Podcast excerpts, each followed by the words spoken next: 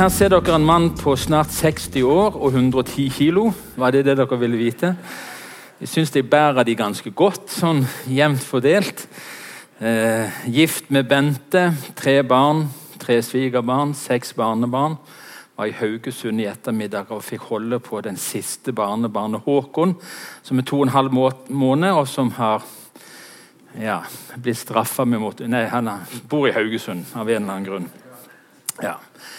Eh, har vært ansatt i misjon snart i 40 år. Eh, 25 år av de har jeg vært på Fredheim i en og samme forsamling.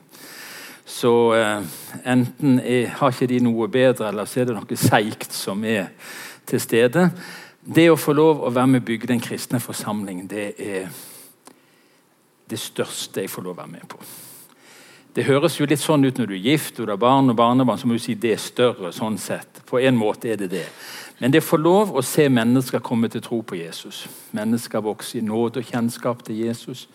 Komme i tjeneste, utvikle seg, følge de fra de er små. Eh, og gjennom lange prosesser. Det er fantastisk spennende. Og jeg tror alvorlig at den lokale forsamlingen er faktisk i verdens håp. Eh, vi er det stedet hvor Gud demonstrerer sin nåde. Det her evangeliet. Det eneste budskapet som kan frelse mennesker. Det lyder ut fra den kristne forsamlingen. Og Det å få lov å være en del av det, det er stort.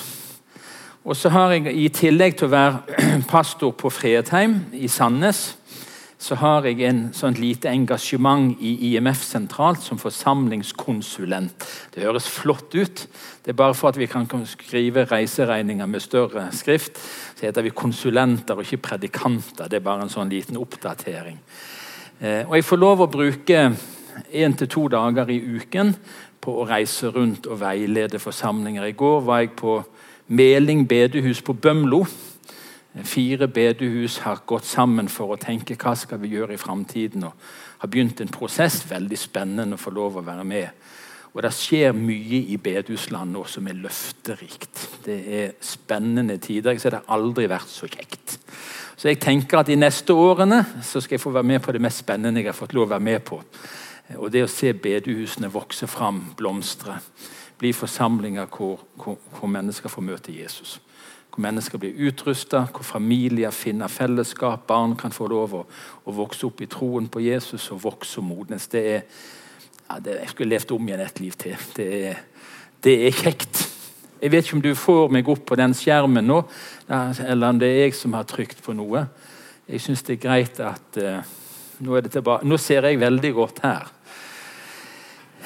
Det vi skal dvele litt med i to bolker nå i kveld, det er utgangspunktet er å tjene hverandre. Så skal vi si litt om nådegaver og vi skal si litt om lederskap. Eh, ikke noe konkret om organisering av lederskap, men litt om holdninger og verdier knytta til det å være en kristen leder. Og innsteg er alltid viktig når vi skal forkynne. Når Guds ord skal være basis, så må vi få det rette innsteget. Og Når vi skal snakke om nådegaver og tjeneste, så begynner vi ikke langs makt. Vi begynner ikke langs noen ting som har med disse ting. Vi begynner der Jesus begynte. Vi må ha det rette innsteget. Når jeg som er Herren og Mesteren, har vasket deres føtter, da skylder også dere å vaske hverandres føtter. Jeg har gitt dere et forbilde.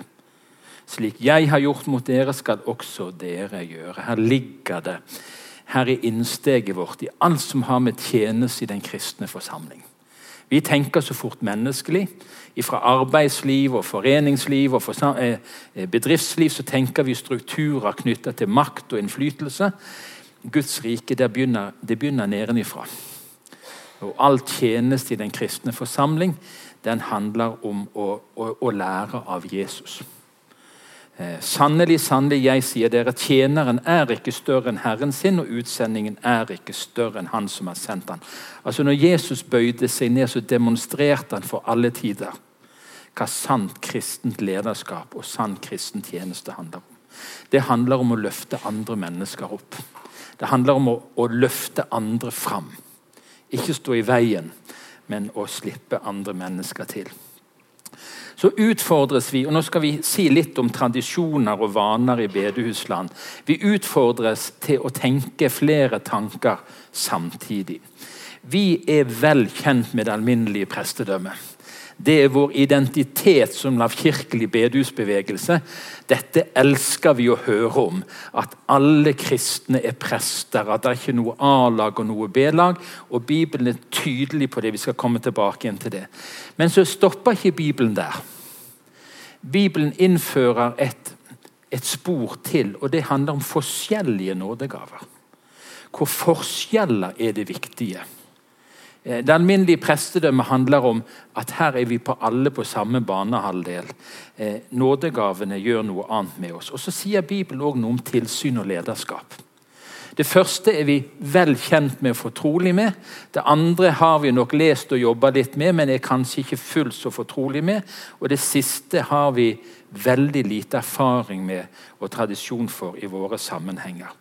Og det er ubegripelig stort å bli frelst. Altså, du blir et Guds barn. Det er jo mer enn nok. Du kan jo ikke bli noe større enn å bli et Guds barn. Men Bibelen bruker noen begrep om de som er født på ny, som sprenger vår forestillingsevne. Hør nå. Kom til Han, den levende steinen som ble vraket av mennesker, men er utvalgt og dyrebar for Gud. Og bli selv levende steiner som bygges opp til et åndelig hus. Bli et hellig presteskap og bær fram åndelig offer som Gud tar imot med glede ved Jesus Kristus. Når du tok imot Jesus og ble født på ny og ble en kristen, så ble du en del av et hellig folk. Det ser ikke så hellig ut når jeg ser på dere. Det ser helt vanlig ut. Hellig, alminnelig kirke, sier vi i trosbekjennelsen vår. Du ble en del av et kongelig presteskap. Du fikk en tittel som du aldri kommer til å få i samfunnet. Du overgår kong Harald. Han er bare konge av fødsel og arv. Men han hører ikke til automatisk et kongelig presteskap. Det gjør alle som tror på Jesus. Du, du er løfta inn i en måte, blir beskrevet i Guds ord eh, på en måte som vi nesten ikke klarer å ta inn over oss. For vi, skal vi innrømme det at vi har litt av denne der 'Å, jeg er så stor en synder'. Sant? Så syns vi de andre er litt større, men det sier vi ikke. Men vi, vi syns jo det, har lært det, at det sanne kristelig ydmyke, det er å si 'Å, jeg er så stor en synder'. Bibelen sier vi er det, men Bibelen sier at vi er mer enn syndere. Vi er tilgitte syndere. Det er det viktigste. Og så er vi satt inn i et presteskap, et kongelig presteskap. Det forteller at vi har alle prestens rettigheter. Den gamle prestetjenesten fra den gamle pakt med prester og ypperste prester, hvor prestene fikk, fikk, gå inn i tabernakel og tempel og ypperste prestene inn bak det aller helligste en gang i året, den prestetjenesten er ferdig. Den er oppfylt i Kristus. Og så er det kommet et nytt presteskap. Og det er alle som tror. Alle Guds barn. Og vi har fått retten til å bære fram åndelige offer, leste vi. Vi kan gå med frimodighet, skriver Hebreabrevet, innenfor nådens trone. Du har åpen adgang. Forhenget i tempelet revner ved Jesu død. Veien inn i det aller helligste åpen for hvem? For deg og for meg. Vi trenger ikke noen mellommenn lenger som går inn og taler vår sak. Vi har én mellommann, og det er Kristus, og han lever ved Faderens høyre hånd, og han taler vår sak. Men her trenger vi ingen mellommenn. Du har åpen adgang. Vi synger det i en av de nyere lovsangene. På grunn av Jesu blod har vi nå frimodighet til å gå like inn i det aller helligste sted. ikke det flott? Du har fått en prests fulle rettigheter. Så kommer baksiden av medaljen. Vi har også fått prestens plikter. Det er ikke sånn at du kan ansette en pastor og så sitte heie. Vi er ikke, vi, vi er ikke sånn presteklappere som skal sitte og heie på ansatte i misjonen. Nei, det er ikke sånn det er. Det er vi som har ansvaret for å formidle evangeliet.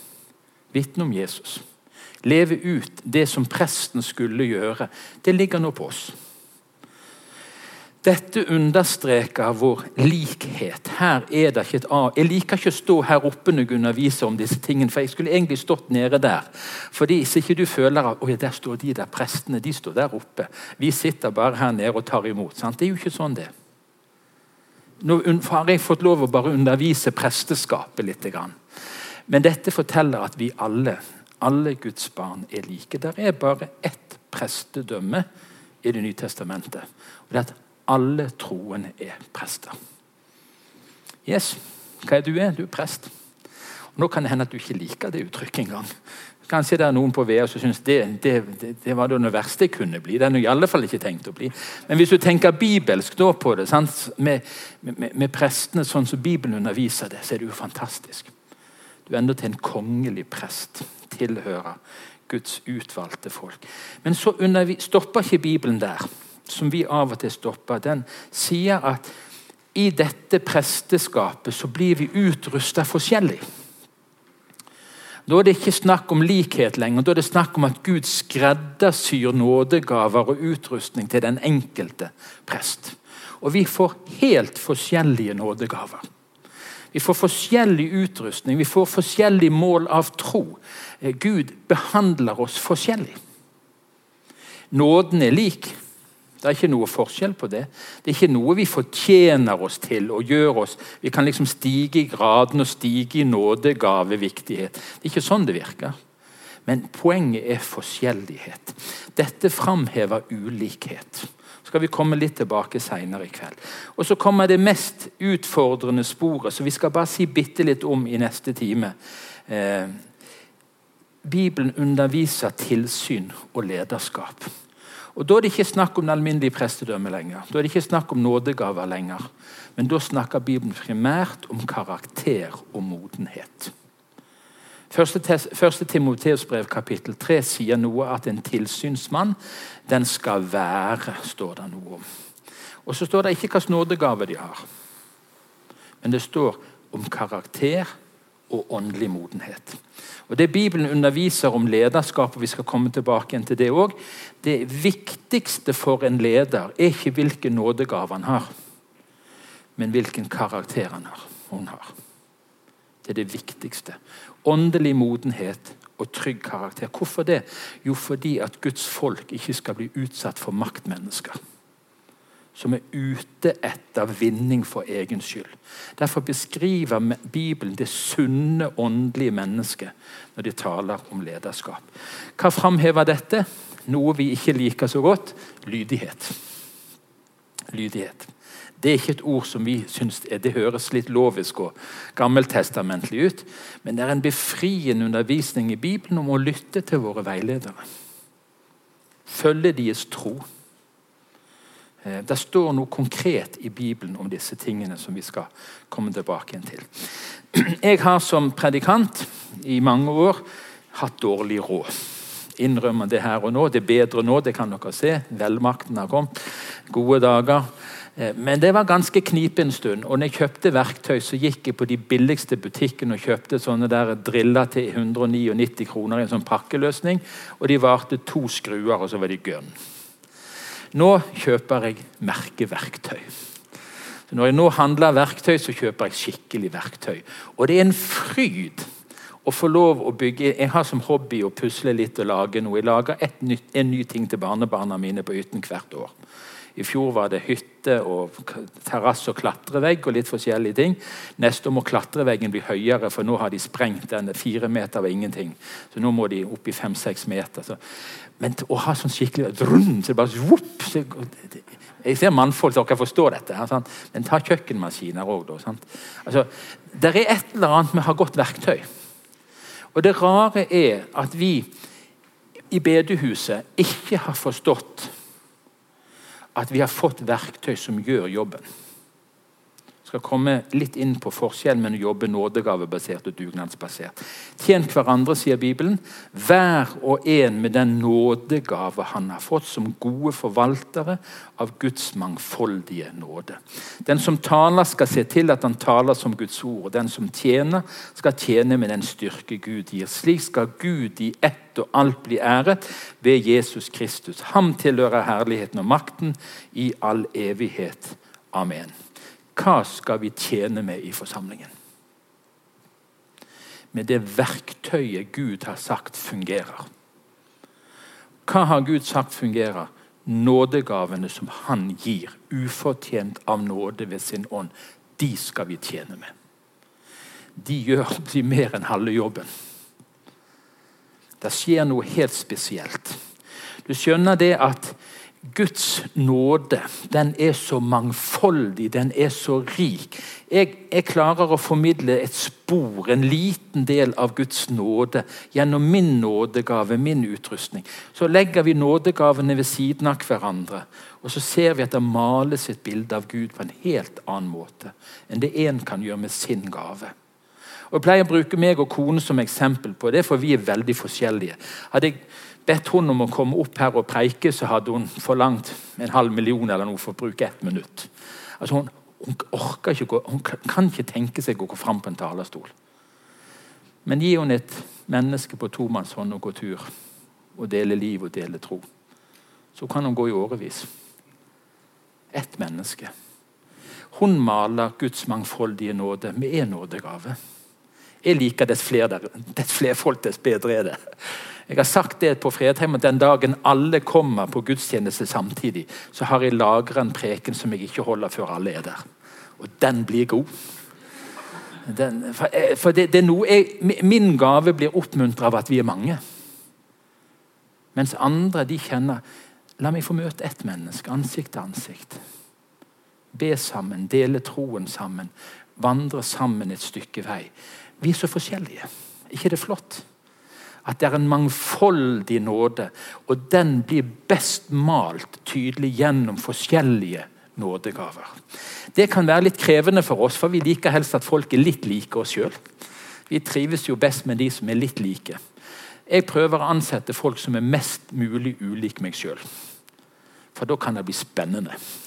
Da kan vi få bredde og litt sånn dynamikk som ikke hvis jeg bare ansetter folk som er prikk like meg. Da, da blir vi for smalt sporet. Hva skjer når vi bruker de rette verktøyene? Da er det Gud som blir æra. skjønner du. Da handler det ikke om se hvor flott de er, se hvor dyktige de er. Tenk hvor fint de synger, spiller, gjør, taler, forkynner, formidler. Hvor gode er de? Når nådegavene kommer i funksjon, da er det Gud som får ære. For da vet vi hva vi roser oss av. Vi har jo bare fått det. Vi har bare fått det av Gud. Vi kan ikke skryte av en nådegave. En nådegave har du fått gratis uten fortjeneste. Hvem skryter du da av? Du skryter av han som ga deg den. Da er det Gud som blir æra. Når vi jobber dugnad, så klarer vi å fortelle hvor gode vi er i forhold til alle andre. Hvor mye vi sliter å legge ned her på huset. Da får vi ære. Men bruker vi nådegavene Gud har gitt, da er det han som får ære. Vi har ingenting å rose oss av. Og Så skriver Paulus til kanskje den mest rotete menigheten som er omtalt i Det nye testamentet, Korintermenigheten. Så skriver han, og Paulus er jo fantastisk hvordan han takker Gud for disse her rotehodene i Korint. Altså, de gjorde mye rart. Men så finner han alltid noe til de hellige, og han finner noe oppmuntrende. Så sier han derfor mangler dere ikke noen nådegave mens dere venter på at vår Herre Jesus Kristus skal åpenbare seg. Det er en dag vi ikke trenger nådegaver. Det er en tid hvor nådegaven ikke lenger skal være i funksjon. Men det er, det er når Herrens dag er åpenbart. I himmelen der er det andre regler som gjelder. Da, da er det andre lover. Da er det en annen virkelighet. Men her nede så er det en bønn at forsamlingene våre ikke må mangle noen nådegave mens vi venter på den dagen Jesus skal åpenbare seg. Og Da er det viktig å kunne vite forskjell på åndens gaver og åndens frukter. For vet du hva? Nådegaver gis ikke som fortjeneste for lang og tro tjeneste og åndelighet og mange bønner og offer og forsakelse. Nådegaver de får du gratis. Av og til er det grådig urettferdig. Der blir en kjeltring frelst, og Gud gir han en evangelistgave den dagen han står opp av vannet. holdt jeg på å si. Og Han forkynner evangeliet, og folk blir frelst. Og du tenker det der jeg holdt på med i 40 år, og jeg hadde vel fortjent noe av det. Nei, Gud, det er forunderlig. Det er nådegave. Det er ikke for lang å tro tjeneste. Og det er en utfordring òg, fordi hvis ikke vi modnes i troen, utvikler oss i troen, så vil nådegaven ikke få det gjennomslaget som Gud har tenkt. Åndens frukter det handler om modenhet, det handler om tid. Det handler om intimt fellesskap med Jesus som gjør at vi bærer åndens frukter glede, fred, overbær altså, det, er noe som, det, det, er ikke en gave du får der og da. Det er noe som vokser fram i et overgitt liv med Jesus. Men nådegaver det, Gud gir nådegaver akkurat sånn som han vil. Ikke sånn som vi vil. Og, og egentlig så er det veldig bra. Fordi det er ikke sikkert vi kunne styrt det skikkelig. Vi skal si litt om nådegaver og fellesoppgaver. Bibelen oppfordrer alle kristne til å vitne om troen. Jeg har lite av evangelistgaven. Eh, I alle fall har jeg tenkt det om meg sjøl. Men jeg får av og til lov å be med folk til frelse. Det er fantastisk stort. Jeg jobba noen år i forsikringsbransjen mens jeg var med å plante en ny menighet i Frikirken. Så jobba jeg halv stilling der og halv stilling i, i, i, et forsikringsselskap. Da er du høyt på strå når du er forsikringsagent og pastor. Da, liksom, da har du to titler som folk har tillit til. Altså det, så gikk det en måned på dette forsikringskontoret. Så kom der en og bankte på døren. 'Er du sånn kristelig, du?' sa han. Ja, jeg er sånn kristelig. Eller jeg vet ikke om jeg er akkurat det, da. Jeg tror på Jesus. Ja, jeg har hørt at i, i lunsjmøtene så har du liksom av og til sagt noe annet enn de andre i gjengen. og Du har gjerne forsvart noen ting kristne folk har gjort. Kan du komme inn på kontoret mitt? Der sitter en annen fyr der inne. Eh, vi må snakke sammen. Og I løpet av noen samtaler eh, over tid så endte vi en mandagskveld hjemme i stuen hos han ene. Så sa han nå bøyer jeg kne. sa han, jeg er klar. Så sa han til han andre nå bøyer du òg kne. sa han. Og Så bøyde de kne i sofaen hjemme i stuen, så ga de seg over til Jesus. Vær et vitne. Ikke, jeg er ikke evangelist. Jeg kunne jo tenkt meg, Nå begynner evangelisten i meg å våkne. Men jeg var et vitne på en arbeidsplass, en helt vanlig arbeidsplass.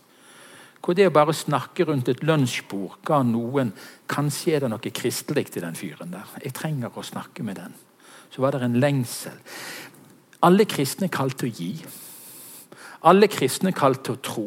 Alle kristne er kalt til å vise omsorg. Alle kristne er kalt til å være opptatt av misjon. Alle kristne er kalt til å be. Men noen har en evangelistgave. Og Jeg blir litt misunnelig på evangelister av og til. For Sitter de på flyet, så Før flyet er tatt av, omtrent, så har de bedt til frelse med folk. Jeg, synes, jeg, sitter med flyet og ber kjære Gud, gi meg et ord. Og da Jeg kan fly til Amerika, jeg, og de blir ikke frelst. Eh, mens andre trenger bare en tur til Bergen, så er de frelst. Altså det, det er et eller annet med nådegaven. Det er noe med verktøyet. sant? Når du ikke har den nådegaven Jo, jeg har fått lov å vitne med folk når jeg er på reise. Men ikke sånn som jeg møtte en evangelist når vi var nå på, på, på denne eh, konferansen på Straume for IMF så var Arne Skagen der som er en evangelist. Han, han ber med folk hele veien. Han. Jeg blir litt misunnelig på han. Det, han fortalte en koselig historie. Han satt på et fly der så hadde han tenkt å få fred.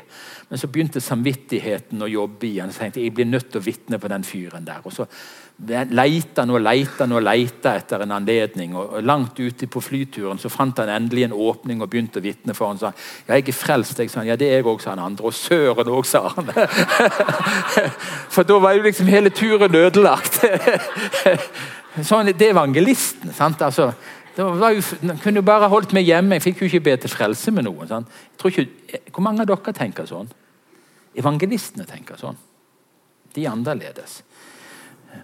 Noen har nådegaven til å gi. Og Du kan bare lure på det med en gang. Du, gir du ikke mer enn tienden, så har du ikke nådegaven til å gi. Hvis det ikke er du ulydig. For de som har nådegaven til å gi, det, der er tienden så vidt en begynnelse. Det er kristne mennesker som gir 90% av det de tjener, så lever de på resten. Det er folk som slutter i jobb for å jobbe gratis for misjon. De har nådegaven til å gi. Vi trenger sånne folk. Eh, men vi er alle kalt til å gi. Og jeg tror vi har mye å gå på i vår givertjeneste for å forløse både glede og takknemlighet og gi armslag for misjonen. Vi som ikke har nådegaven til å gi òg. Men noen har nådegave. Noen har nådegaven til å tro. Vi begynte i Frikirken på Klepp, der var det noen med nådegaven til å tro. Jeg syns nesten det virka litt for mye av det gode. Var vi en liten håndfull gjeng, og så fikk vi tilbud om å kjøpe et næringsbygg. og Halvparten der var sånn i halve jobber, hadde fem-seks unger og gjeld langt over pipen. Vi kjøper det, sa de. Ja, men vi har ikke penger. Nei, men det ordner Gud. Ja, men, så, vi har jo litt på boken, men det må vi gi vekk litt først, sånn at vi kan få litt velsignelse før vi kjøper noe sjøl. Så beslutta de på årsmøtet før vi skulle kjøpe bygg til mangfoldige millioner, så skulle de gi vekk en stor del av de hadde på konto. Det er tro. Jeg satt og kjente Får jeg lønn neste måned? Altså, men de hadde tro. Det var noe med en trosgave. Det er godt å ha noe med en sånn trosgave som ser mulighetene, der vi andre sitter med kalkulatorer og tar med oss alt det gale som kan skje. Så er det noen som bare tror. Jeg vet jo hva, Gud er større. Sånn er det for alle disse forskjellige tingene. Så er det nådegaver. Og det er det du skal tjene i forsamlingen med, det din nådegave. Alt det andre skal være naturlig for oss. Dette bidrar vi med. Nå skal vi si noe som er en utfordring. Fordi vi har veldig lenge i store deler av vårt bedehusarbeid vært så opptatt av å jobbe dugnad at vi har blanda disse fellesoppgavene med nådegaver. Og Jeg har møtt så mange kristne som sier det er, vi må jo alle ta et tak. Og nå mangler vi folk der, så nå er det min tur. Og så flott det er at folk tenker sånn. Og så går de inn i en tjeneste de ikke er utrusta til. Og det merker de som de jobber sammen med veldig fort, men de tør ikke si noe. Fordi vi er jo så trofaste og så villige til å tjene. Og ofte blander vi dette dugnadsaspektet og dette vi alle kristne er kalt til å gjøre, og så erstatter det at vi setter riktig folk på riktig plass. Og vi misbruker verktøyet. Vi bruker ikke verktøyet som Gud har gitt oss. Og Dette er tankefullt. Jeg snakket med noen her i denne uken som sa det at her hos oss så er det dugnad som er prinsippet. Nå har jeg vært i styret i tre år og tatt min tørn. Nå trenger jeg en pause. Nå er det din tur. Ja, Kan du noe med det? Nei, men det er din tur. Eh, alle kristne kan lede, alle kristne kan styre, alle kristne kan alle kristne kan vitne, alle kristne kan gi. Ja, men ikke dermed sagt at det skal være vår tjeneste i den kristne forsamling. Vi leste en bibeltekst, husker du den? Hva sto det? Tjen hverandre, hver med den nådegave han har fått. Det er det som er verktøyet Gud vil at vi skal bruke i forsamlingen. Og så er det veldig mye misforståelser knytta til vårt gudsbilde. Og det som har med nådegaver og tjenester å gjøre. Eh, jeg er vokst opp i IMF. Noen av dere er misjonssambandsfolk. For oss som var, var, gikk på bibelskolen på 70-tallet, så var frykten å bli kalt til Finnmark.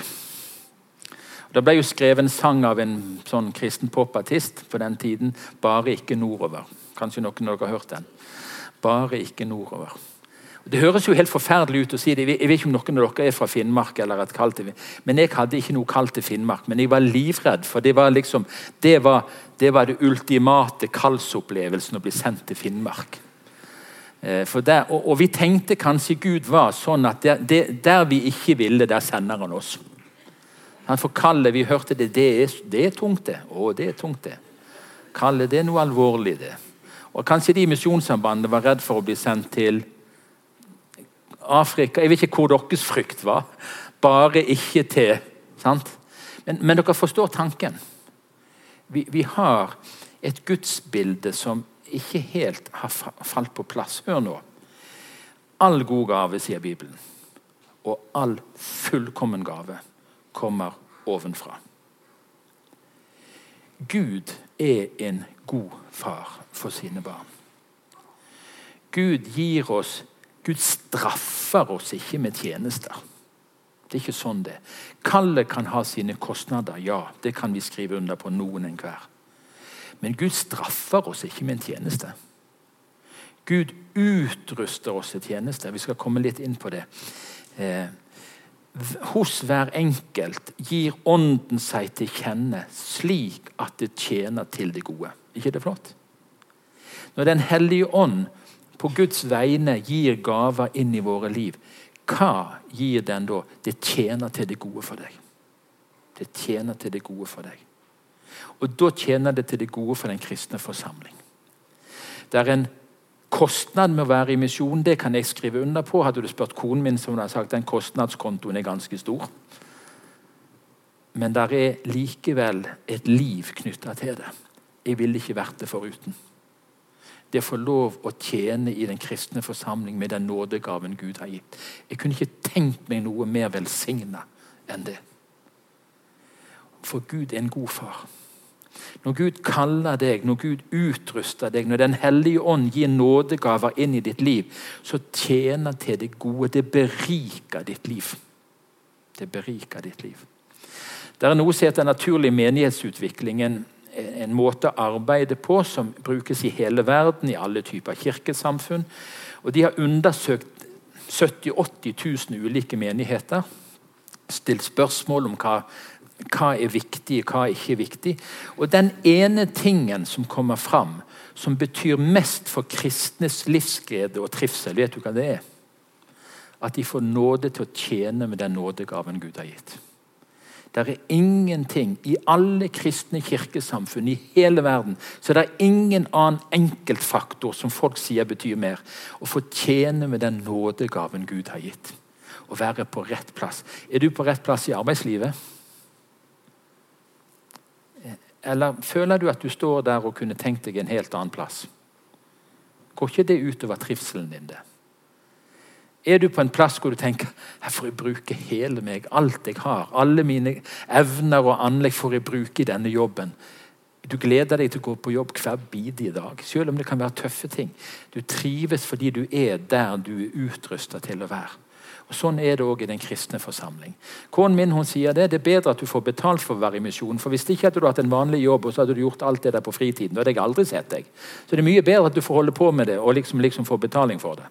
For Da er du hjemme om av og til, i alle fall. Fordi det, er, det, det gir trivsel å få lov.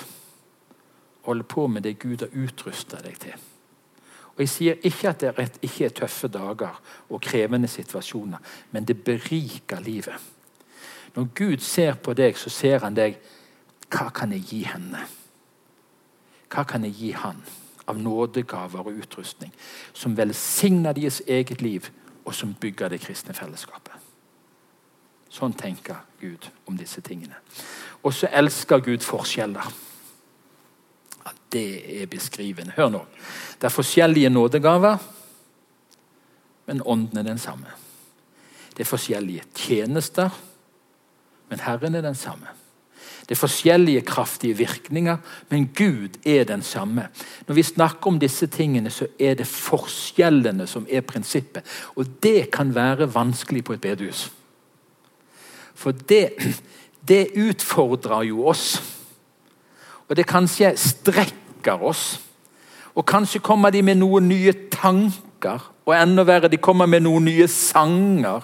Eller de kommer med noe altså, Forskjeller er ganske krevende for oss mennesker. Men Gud elsker forskjeller. Bare se på dere her. Med hår og uten hår, og grått og hvitt, og steiler og farger, og betalt og ikke betalt. Og, altså, dere er jo så forskjellige. Og se på skaperverket. Se på dyrene. Du kan jo flire deg halvt i hjel hvis du ser på noen av de misfostrene Gud har skapt. De ser jo helt crazy ut, noen dyr. Gud må ha god humor. Se på fisken i havet. Variasjoner, forskjeller. Gud elsker forskjeller. Det, det, utfordrer oss å elske det Gud elsker. For du skjønner, det er modne kristne, kristne mennesker. De elsker det Gud elsker. Umodne kristne mennesker vil ha det sånn som de vil ha det. De vil helst at alle skal være sånn som de. Mens modne kristne mennesker tåler forskjeller. Bejaer, elsker fram forskjeller. Fordi Gud elsker forskjeller. Og Her en liten test. Ved den nåde jeg har fått, sier Paulus, sier jeg til hver enkelt av dere tenk ikke for store tanker om deg selv, men tenk sindig. Hver og en skal holde seg til det mål av tro som Gud har gitt ham. Vi tenker av og til når det gjelder tjeneste, altfor stort om oss sjøl. Og altfor smått om andre mennesker. Vi snur tingene på hodet. Vi har én kropp, men mange lemmer. Alle med ulike oppgaver. Og Nå kunne vi tatt en liten håndsopprekning. Hvem her inne er 100% fornøyd med kroppen sin? Dere damer først. Nesen eller ørene eller eh, ja, jeg skal ikke si, En del ting snakker ikke vi høyt om. Altså, vi, Forunderlig hvordan disse forskjellige lemmene på kroppen vår kan irritere oss. Vi er ikke fornøyde med dem. Folk kjøper jo eh, Dere skal få høre en liten historie. Jeg tror kanskje vi har tid Den er litt på kanten. Tåler dere en litt på kanten-historie her? Gjør, dere det? Nå, skal jeg teste humoren på Vea på bedehuset. Dette kan hende jeg aldri blir spurt igjen. Men det var en eh, Det var, det var en, eh, en dame som eh, Eh, som hadde fått beskjed om det at hun skulle få leve lenge.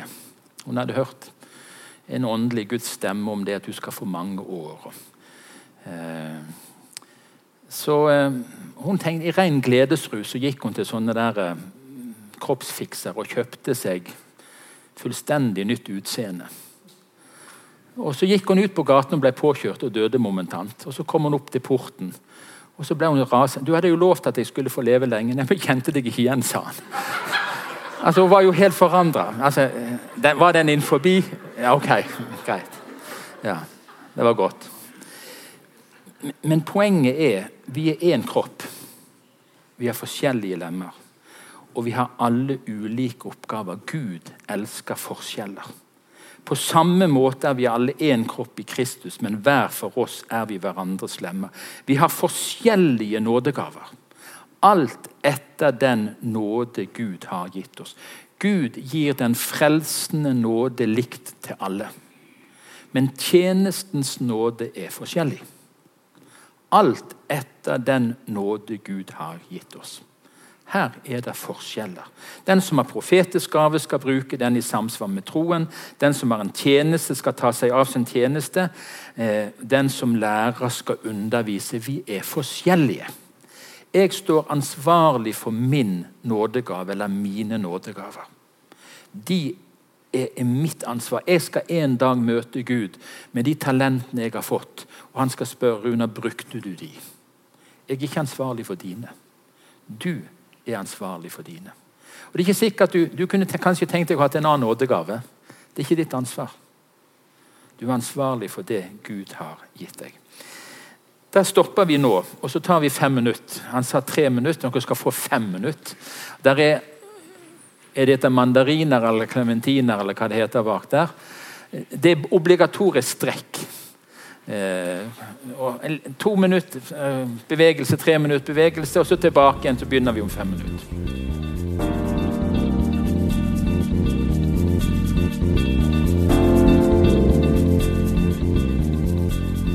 Det er helt greit hvis dere holder en varm kopp kaffe i hånden for å holde varmen. I dag er jeg glad at jeg preiker. Så får jeg holde varmen og få bevege meg litt.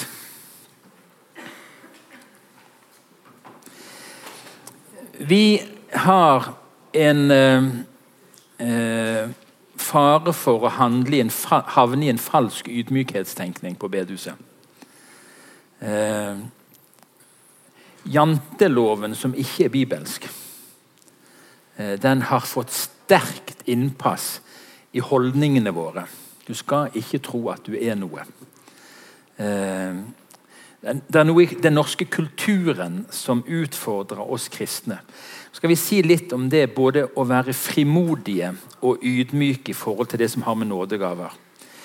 Eh, Bibelen er så tydelig på at det som har med disse åndelige gavene, det skal vi ha kunnskap om. Dette skal vi kjenne til. Det skal ikke være et fremmed felt for oss. Eh, dette er ikke noe som vi tenker at Nei, vi, det, vi må nesten ikke snakke om det engang, for da kan folk tro at det er noe. Jeg skal komme litt tilbake igjen til det.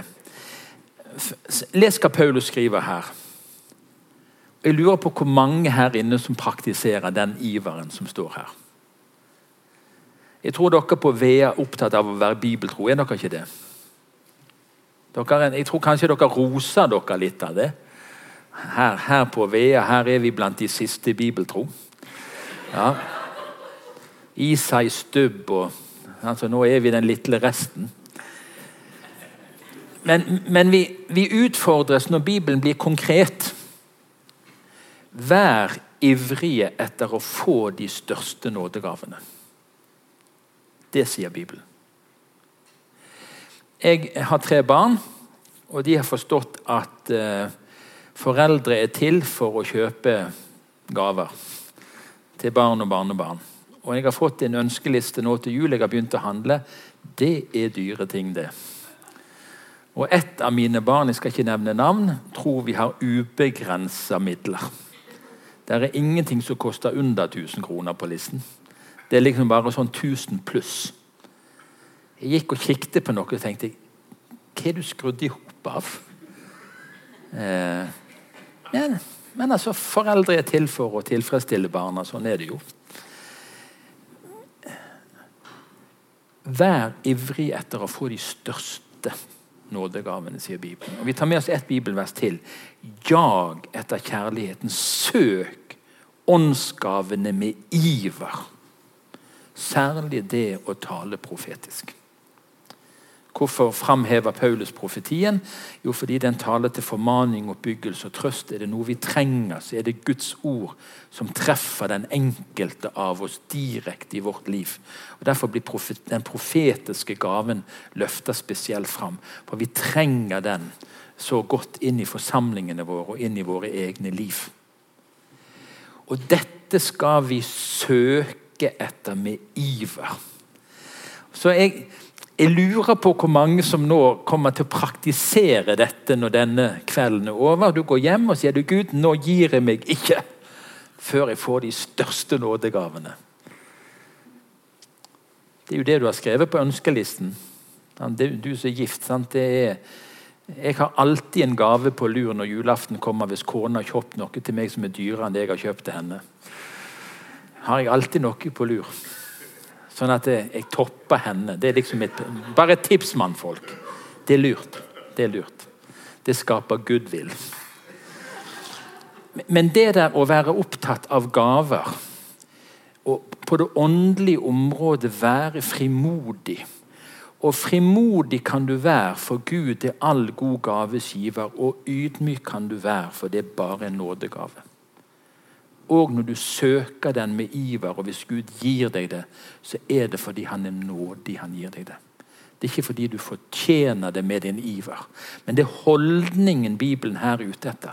Dette er så viktig at dette må dere være ivrig etter å få. Hva trenger Vea bedehusforsamling av nådegaver? Hvem vil søke å få det dere mangler? Hvem vil med iver gå inn i bønn for Guds ansikt? Si Gud, vi, vi savner disse gavene i fellesskapet vårt. Jeg skal være villig til å gå hvis du gir meg det. Med iver. Søke gavene. For ved en og samme ånd blir det gitt en å tale visdom, en annen å formidle kunnskap. En får den ved den samme ånd en spesiell trosgave, en annen får nådegaver til helbrede. Og sånn fortsetter de første Korinterbrev 12, Romerbrevet 12 og Efesene 4. Det er et mangfold av nådegaver beskrevet i Guds ord. Og jeg tror det er gaver Gud gir som ikke er automatisk beskrevet. Bønn står ikke som en egen nådegave i noen av disse tekstene. Tror du det er noen som har en bønnens nådegave? Ja, det er jeg sikker på. Jeg har møtt sånne mennesker. Altså, Jeg er jo sånn at jeg kan se på klokken etter fem minutter. Jeg tenkte, Hadde det gått en halvtime, så hadde det gått fem minutter. Mens noen de glemmer seg. Når du banker på døren og de har bedt en time, så vet ikke de at det har gått et minutt. Vi har ulike nådegaver. Klart at En del av de tingene Bibelen ikke beskriver som nådegaver, vil du se i kristne mennesker sitt liv. At dette er nådegave Gud har gitt dem i en tjeneste. Bare bitte litt praktisk. Hvordan kan vi finne og bruke de gavene Gud har gitt oss? Dette er en bibeltekst som vi nok sliter litt med i vår tradisjon, eh, og som vi lurer på kanskje ikke lenger eksisterer, denne muligheten. Men, men, sånn var det naturlig at det skjedde i den første kristne menigheten. Forsøm ikke den nådegaven du har. Den du fikk på grunnlag av profetiske ord, der Eldsterådet la sine hender på deg. Legg vekt på dette, lev i det, så alle kan se at du gjør fremskritt. I den første kristne menighet ble de faktisk advart mot å være for snar til å legge hendene på noen. Fordi Gud ved, ved, ved tjenerne sine var med å formidle nådegaver til de nyfrelste menneskene. Forunderlig. Eh, og nå tenker dere, hva, hva, er galt med dette? Ikke har vi eldsteråd, og profetiske ord er vi litt forsiktige med. Altså, dette er sånn en bibeltekst som kan være vanskelig for oss å komme til rette med. Men det var helt naturlig i urkirken at de som reiste rundt og forkynte evangeliet, de som ble satt til lederskap, ba med håndspåleggelse for folk i menigheten om at Gud måtte gi de gaver, sette de til tjeneste. Dette kjenner vi også til fra enkelte av våre misjonsfelt. Når vi leser i misjonshistorien, så ser vi en større frimodighet knytta til det å være konkret i forbønn for og med mennesker. Og så skal vi være forsiktige. Eh, vi skal ikke bare si, til enhver tid legge hendene enkelt på mennesker. Eh, men det er noen tjenester i den kristne forsamling vi skal komme tilbake til det til våren, som Gud på en spesiell måte har gitt til å ha en frimodighet. I dag var jeg eldste i et hjem. En i forsamlingen har blitt syk, og han kalte til seg menighetens eldste. Og Jeg reiste hjem i dag med salvekrukken, delte Guds ord, salva han med olje i Jesu navn etter Jakob kapittel 5 og la hendene på han og ba for han. Jeg er spent. Jeg er spent. Guds ord gir oss noen veiledninger her Eh, som vi kan frimodig grunne på og, og tenke gjennom. Ellers så oppfordrer Bibelen oss til å be, med iver søke, gå til forbønn. En av de mest vanlige måtene å oppdage nådegavene på, det å være villig til å tjene. Det å si ja. Og så ser en at dette som jeg får lov å være i, det bærer frukt. Jeg blir velsigna av det, andre mennesker blir velsigna av det. Og av og til merker du her, her har jeg ingenting å gjøre.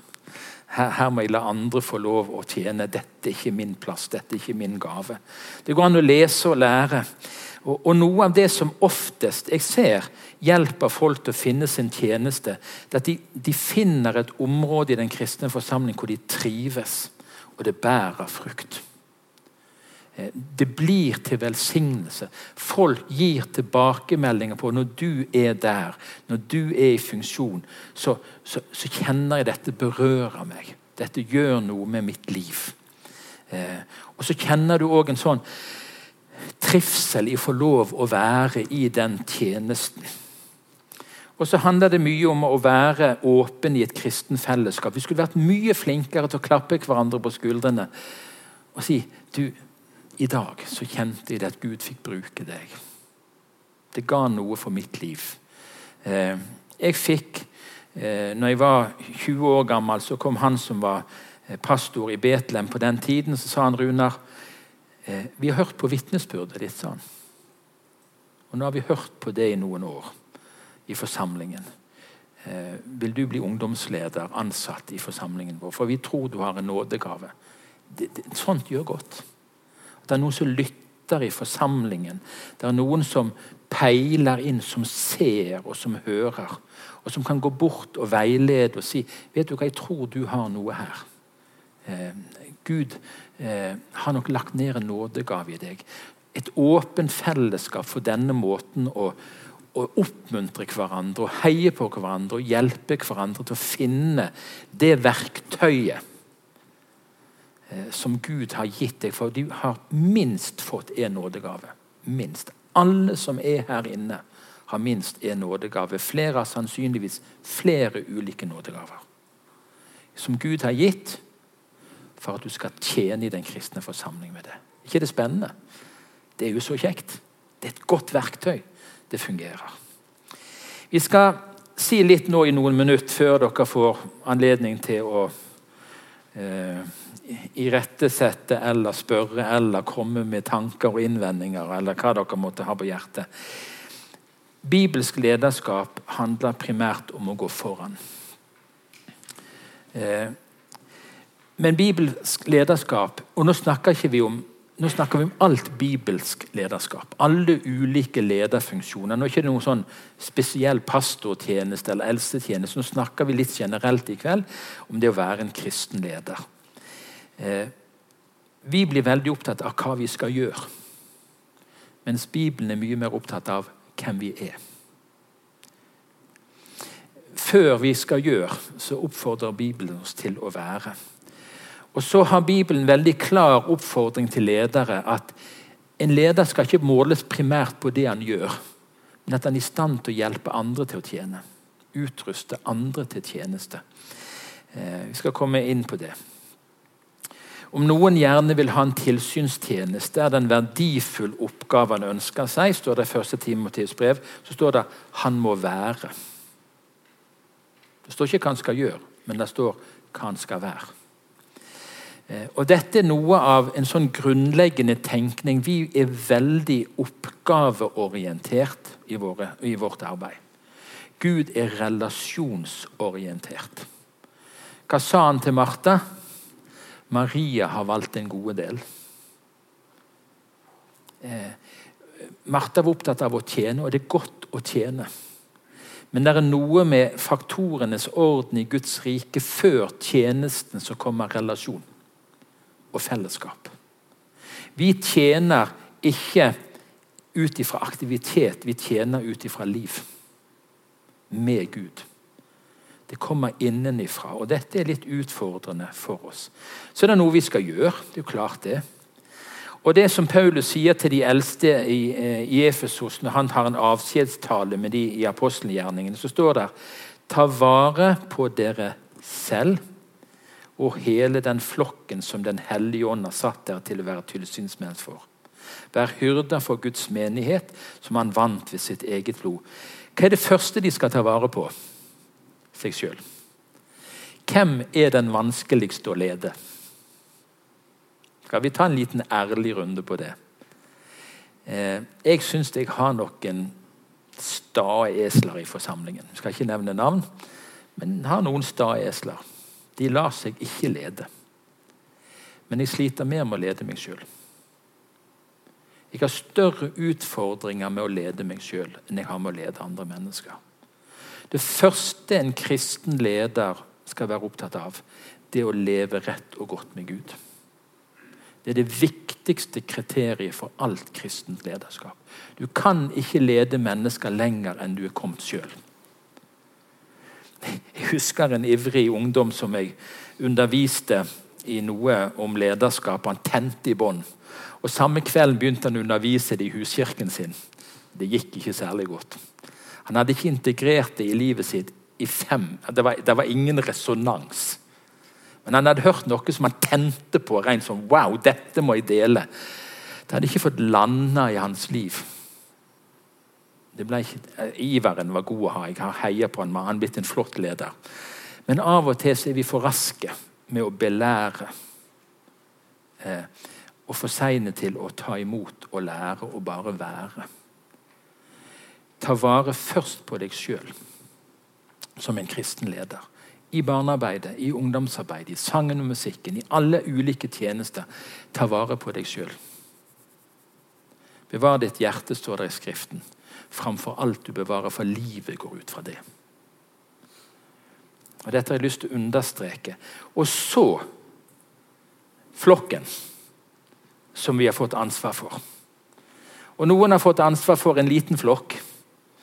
I en hus, husfellesskap, kanskje i en bibelgruppe.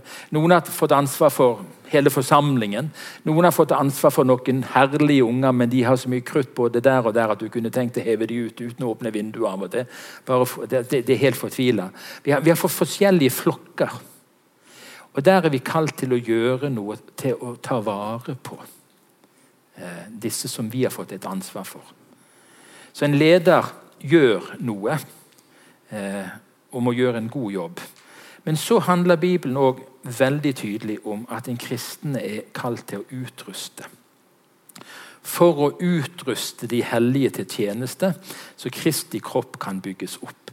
Eh, jeg har møtt noen som har fått kongens fortjenestemedalje for lang og tro tjeneste i misjonen. Har du møtt noen sånne?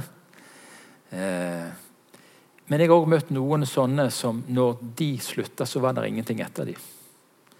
Deres regel var å være trofast. Men de tenkte aldri at det var like viktig å utruste noen til å fortsette når de var ferdig. Så alle som har lederoppgaver, uansett hvilken lederposisjon du har i forsamlingen her på Vea, så må du tenke, du må se etter andre som kan lede. Allerede fra de ganske små så kan du se at her er det noen ledergener i den personen, i den gutten, i den jenten. Hvordan kan du framelske det? Hvordan kan du bruke dem på en sånn måte at de kan vokse? Eh, det er altfor mye arbeid som avsluttes med at når de trofaste lukker døren, så er det tomt. De har gjort en fantastisk innsats, men de forsto ikke det at en kristen leder har i som en viktig oppgave å utruste andre. Å se etter potensialet. Og jeg sier det at Noe av det viktigste jeg gjør på Fredheim, det er å fostre fram nye ledere og pastorer. Det er noe av det viktigste jeg kan gjøre som pastor. Det å se etter unge talenter som Gud har gitt en gave som skal få lov å vokse fram. Eh, og som skal få lov å fortsette hos oss eller andre steder i tjeneste utruste de hellige. Dette skal vi komme tilbake igjen til i, sannsynligvis i februar. Da skal vi gå veldig konkret til verks. Nå har jeg bare gitt dere et sånn oversiktsbilde eh, over det som har med lederskap å gjøre. Da skal vi gå konkret, eh, mer konkret til verks.